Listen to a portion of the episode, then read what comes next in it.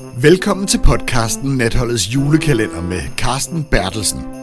Podcasten, hvor værterne Carsten Bertelsen og Anders Sejstrup hver dag retter spotlyset på den øl, som åbnes i aftenens afsnit af Natholdets julekalender 2021 på TV2 Zulu og TV2 Play.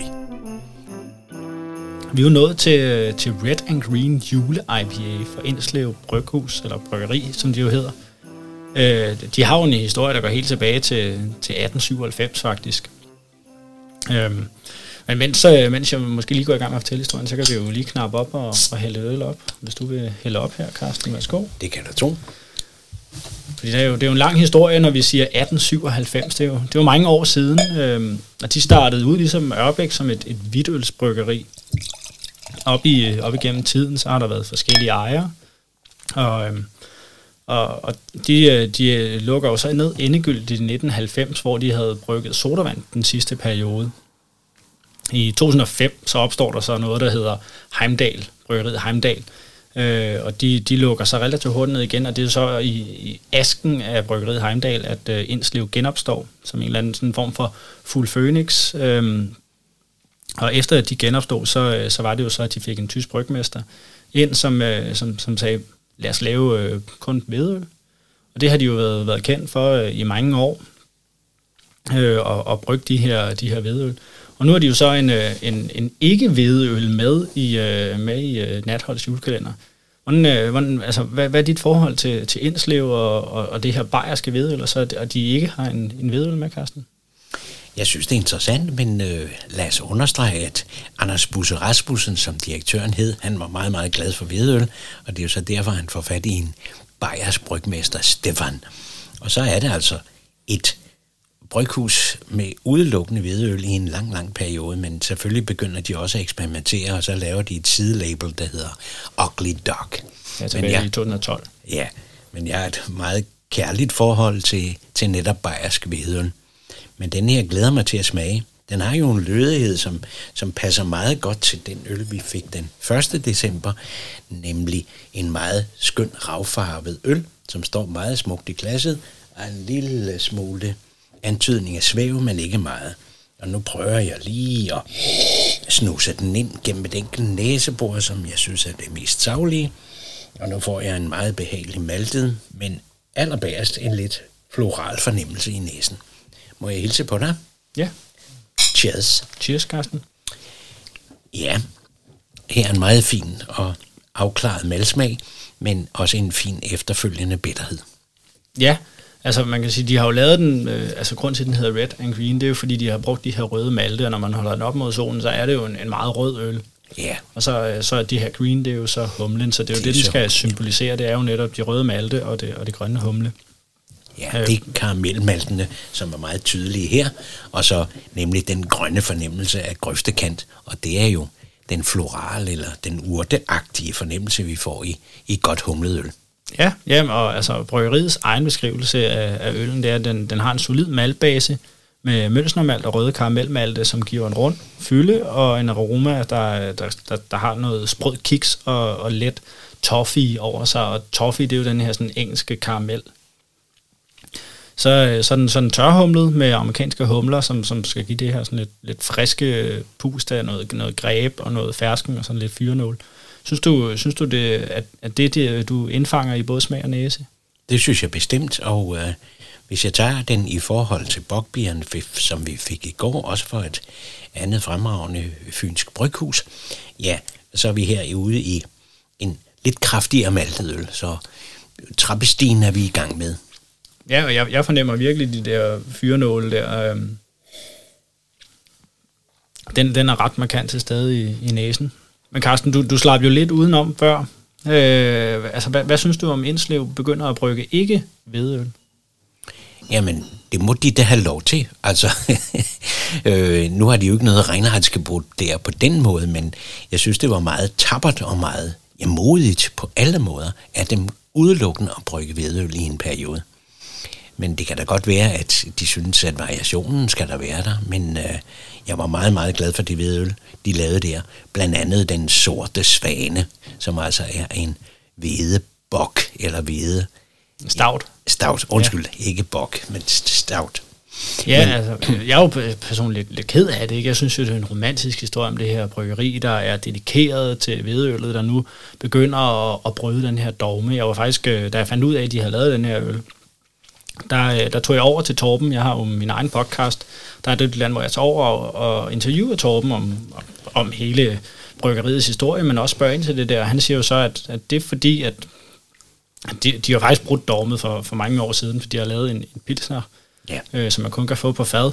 Øh, men, men han siger jo, at altså, det er måske lidt svært nogle gange at sælge hvedeøl, fordi bare det, der står sort hvede, så tænker folk, om det hvede, det kan jeg ikke rigtig lide. Øh, hvor, hvor de ikke rigtig tør. Så derfor så, øh, så er det jo ligesom deres øh, forsøg på at vise, at Indslev Bryggeri er noget andet end, end bare eller de, de har øh, flere ting i sig. Øh, og det, det er jo ligesom baggrunden til, at de har lavet denne her. Måske kan du øh, fortælle lidt om sådan ølstilen øh, IPA'er, som, som det her det jo er. Ja, IPA, India Pale Ale, er jo altså en britisk stil, som så bliver reformeret over i USA i, i 1980'erne, hvor man altså tilsætter lokale humler, og det er jo de berømte C-humler. Det kan være sådan noget som Columbus, Chinook, og så den meget berømte og meget elskede Cascade eller Cascade.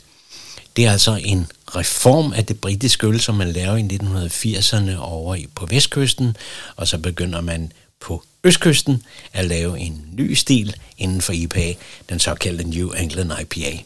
Og der skal vi have fat i et bryghus eller en brygpop, der hedder Alchemist, der ligger i Vermont. Der laver man det her ikke blommefarvede øl, tåget øl, New England IPA. Ja, og det, altså forskellene på de to, det er jo noget, noget juicy sødme i, i New England IPA'en, og så har du West Coasten, som er, er godt nok er frugtig, men meget mere bitter og har fokus på ja, for eksempel sådan nogle fyrenåle. Ja, en, en klar maltet øl. Ja, og altså denne her, vil du beskrive den som en, en, altså det er jo tydeligvis ikke en New England, men vil du beskrive den som en West Coast, eller er vi mere i noget No Coast, noget inde midt i, hvor, hvor, man, hvor man blander lidt, eller hvor er vi henne? noget No Coast. Ej, altså i lødigheden er det her 100% undskyld, så ved jeg ikke, hvem der ellers vil bryde ind i det her, men i lødigheden er den 100% pale ale. Sådan som det skal se ud ifølge definitionerne. Ja, og, og, og hvad er definitionerne så, Carsten? Ja, det er jo, at du bruger nogle pale ale malte, som giver blegt øl, som man kaldte det i gamle dage.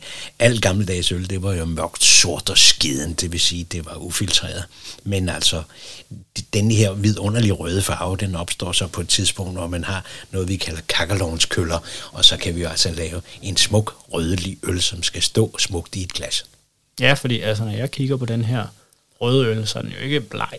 Nej, det ville være, være forkert udtryk. Og, Lige og præcis. Også. Men den er blegere end øl var i gamle dage. Præcis. Hvis, øh, hvis du skulle spise noget mad til den her, hvad, hvad skulle det så være? Jamen, der er jeg også ude i øh, frokostens lune retter. Men nu kan jeg da godt inddrage flæskestegen. Det kan jeg med stort held. Jeg kan også tage en vidunderlig burger og spise til det her pragtfuld øl. En burger med masser af alt det her snask, som vi nu hælder ind over burgeren og mishandler øh, oksekødet med, havde jeg nær sagt. Men øh, det er en alle tiders madøl. Ja, jamen, fordi altså, det er jo en, en, en jule-IPA, så det er jo en, en juleøl. Nu nævner du selv flæskestegen, hvilket man jo kan spise hele året rundt, men det er jo også en, i hvert fald for mange en, en, en, et julemåltid, sådan en flæskesteg. Vil, altså, vil du, vil du sige, at det her det er en juleøl? Den kan godt gå ind over. Altså, der mangler måske den lidt krydrede fornemmelse. Altså, for mig er det her en 100% frokostøl. Ja, og så, så kan den bruges hele året rundt, eller hvordan? Ja, stort set. Ja, altså, men jeg tænker, jeg tænker, vi måske skal ringe, ringe Daniel Holmberg op igen, for at lige at få hans besøg på, om, om det egentlig er en juleøl. Lad os gøre det. Hej Daniel. Halløjsa igen. Vi er øh, bliver nødt til at ringe til dig en gang til, for vi har jo denne her Red and Green jule IPA for Indslev, som, som vi er lidt i tvivl om, om det er en, en juleøl eller ej. Hvad, hvad siger du? Ja, vel ja. Altså, jeg vil jo mene, tager man bare flasken og kigger på den separat, så vil jeg sige, så, så er det jo jul for alle pengene. Der er jo et stort, flot græntræ, et juletræ, øh, og det symboliserer jo jul på alle måder. Men får man så flaskens indhold på glas, jamen så er det der, hvor jeg tvivler lidt mere. Det er ikke, i min verden vil det ikke være en, en decideret juleøl. Men der er også noget ved, ved juleøl og IPA, der ikke er så nemt at sætte lighedstegn ved. Fordi jeg ser mest juleølene som de her mørke, søde, øh, lidt tunge øl. Men det er jo også bare øh, min vurdering. Men jeg ved ikke, hvad, hvad Carsten siger til det. Jo, jeg er jo på alle måder enig der, min kære. Øh, maltedøl, det er jo det, som vi bruger til vinterens øl. Så det er, det, er, det er en glimrende øl, men en decideret juleøl, det, det siger vi, ser vi på etiketten, så ja, indholdet, måske ikke helt, det er stadig en dejlig øl, men det er ikke en decideret juleøl, hvis vi skal øh, gå helt øh, ned i, øh, i de små ting. Men, men Carsten, hvad, hvad er en juleøl? Hvad, hvad er det egentlig? Hvad er definitionen på en juleøl? Ja, der er mange besværlige definitioner, men altså en gammeldags hvidøl, som vi kalder det, og nu må jeg ikke tage fejl af øh, begrebet hvidøl, for det er jo så brygget på hvidmalt, men en brun, dejlig, overgæret øl. Og nu siger jeg ikke, at den er dejlig, fordi den er overgæret, men fordi der er så mange aromaer i øllet. Og så kan man jo lege med det, som, øh, som man kan med de brune malte. Og så er det jo, at vi får den der pragtfulde øh, brødfornemmelse, som er rigtig god til sådan noget kraftigt julemad, og til de gode brune saucer, som vi bruger til den gode vintermad. Så, så er vi jo egentlig uden i, at, at der måske slet ikke kan være noget, der hedder jule-IPA. Altså, kan, kan en IPA godt være, være julet? Jamen, det er jo det, der er det vidunderlige ved den ølverden, som vi jo er kommet ind i mine damer og herrer, det er, at alt er tilladt. Man kan putte kage ned i øllet, og man kan bruge sådan en lidt småbitter øl til mange gode danske retter. Altså definitionen er meget bred i disse tider. Altså det her er jo inden for ølverdenen, det er jo simpelthen tolerancens årti, det må man nok sige. Ja, og, og jeg ved jo, at, øhm, at det var Christian Skovdal Andersen over for Bier her, der ligesom brød det her juleølstorme tilbage i, jeg tror det var 2011, hvor han, øh, han smed sin jule-IPA ud på, på markedet. Og som han selv siger, den skal slet ikke være julet. Altså det, det er det eneste, den ikke skal være. Den skal ikke være julet andet end i navnet. Øh, og, og det har jo åbnet op øh, for en, øh, altså skal man sige, at der er kommet mange mere, øh, altså der er kommet flere ølstile ind, som, som kalder sig juleøl. Er det, er, det, er det blevet for meget? Hvad siger du, Daniel? Er, er, er det for svært at holde styr på, hvad der er en juleøl i dag? Nej, det synes jeg slet ikke. Altså, jeg synes, det er fantastisk, at, at, at juleølgenre nu er på alle måder blevet en genre for sig. Altså, du kan få en jule du kan få julestout, du kan få en julebok, som jeg ved, I også har drukket. Der findes jo, nu, nu, nu er det jo bare at gå på opdagelse i juleølsverden. Nu er det jo ikke blot øh, en tilfældig juleøl, man kan gå ned og købe i butikkerne. Nu er der jo ofte sådan en helt sortiment af forskellige juleøl, hvor man kan gå på opdagelse. Og så mener jeg også, at en IPA godt kan gøres lidt julet. Man kan jo, hvis man er fræk, skrue lidt op for procenterne, måske gøre det til en, øhm, en lidt stærkere IPA, den der også er over i en, i en anden genre, genre af, af IPA'erne, og så måske give den lidt mere sødme, sådan så bitterheden ikke tager for meget over. For jeg mener, sidder man med en, med en meget, meget bitter øl til julemaden, så kan det godt gå ind og gøre noget ærgerligt hvis snapsen, og det resten af måltiden. Det er ikke nødvendigvis den bedste parring, men gør man den lidt sødere, og får man justeret procenterne lidt op, så mener jeg faktisk godt, at man kan gøre en IPA lidt mere julet, end, end udgangspunktet er for en IPA. Ja, jamen, og hvad siger du til Carsten? Giver, giver, altså, giver det mening? Skal det være en dobbelt IPA før? Er det, er det julet? Skal det være procenterne, som man får varme med at drikke den? Eller hvad, hvad? Det kan det være, men øh, jeg synes, det er morsomt, at man, man opdeler øllet på den måde. Men nej, en IPA vil aldrig for mig være en juleøl, men det er da hyggeligt, og det er da pragtfuldt, at man på den måde udvider grænserne for, hvad øl er, og til hvilke sæsoner eller hvilke årstider man anvender øllet. Ja, altså jeg synes jo personligt, det er rart med nogle af de her jule-IPA'er til at, at bryde med, med det her meget mørke og meget krydderøl, som, som, som vi er vant til. Jamen, lad os da lige slå en ting fast. I det 20. århundrede, der drak vi pilsnerøl til alting. Og det gjorde vi selvfølgelig også til julefrokosten, og så fik vi den lidt mere maltede snebajer og så videre, som vi jo så brugte til julemåltidet. Men pilsnerøllet var jo det, der skulle skylle alle de her søde sager ned, man, man sad og spiste, eller øh, den salte sild, eller kajsild og så videre. Der er det jo godt med den læskende øh, og milde pilsner. Men det her er bestemt også øh, halsrensende på alle måder. Ja, for den vil jo gå meget godt til sådan en, en, en, en flæskesteg, som du selv sagde, ikke? eller en, en stor, øh, eller hvad, sådan en fed sovs, øh, vil den jo også være, være skær lige igennem. Ja, eller til den marinade, som man nedlægger silden i, og så kalder det kajsild. Ja, jamen, og altså, er det, er det måske det, du skal hjem og have i dag? Det er en kajsild? det kunne da sagtens være. Ja, hvad med dig, Daniel? Hvad skal du spise i dag? Jo, men det, øh, der, der er vi helt sikkert også over i den øh, boldgade. Det, det, det tænker jeg det. Altså, jeg vil også, jeg vil sagtens kunne se den her øl på, øh, på julefrokostbordet, fordi den nemlig kan bryde op med det, man klassisk vil servere. Og jeg synes, der er også noget ved at kunne imponere sine gæster med at sige sådan en helt repertoire af juleøl, og sige, den her, den matcher det her, den her, den matcher det her, ud fra hvad du vælger fra, fra, fra det store kolde bord, jamen så synes jeg, at du skal parre det med den her øl. Det må også kunne imponere en gæst eller to, tænker jeg. Ja, altså hvis du skal have 16 frokostretter, så skal du smage 16 forskellige øl. Præcis. Det kunne være en meget god idé. Og så kommer man godt hjem. Og apropos øl, skal vi så ikke øh, skåle her til, til slut og sige tak for hjælpen, Daniel? Tak for hjælpen, Jo, og Daniel. velbekomme. Vi Skål, tales ved. ven. Vi ses og høres ved. Det gør vi. Cheers. Cheers.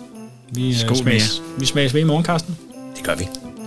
Du har lyttet til podcasten Natholdets julekalender med Carsten Bertelsen. Lyt med igen i morgen, når næste øl bliver kærligt behandlet af dine to værter, Carsten Bertelsen og Anders Sejstrup.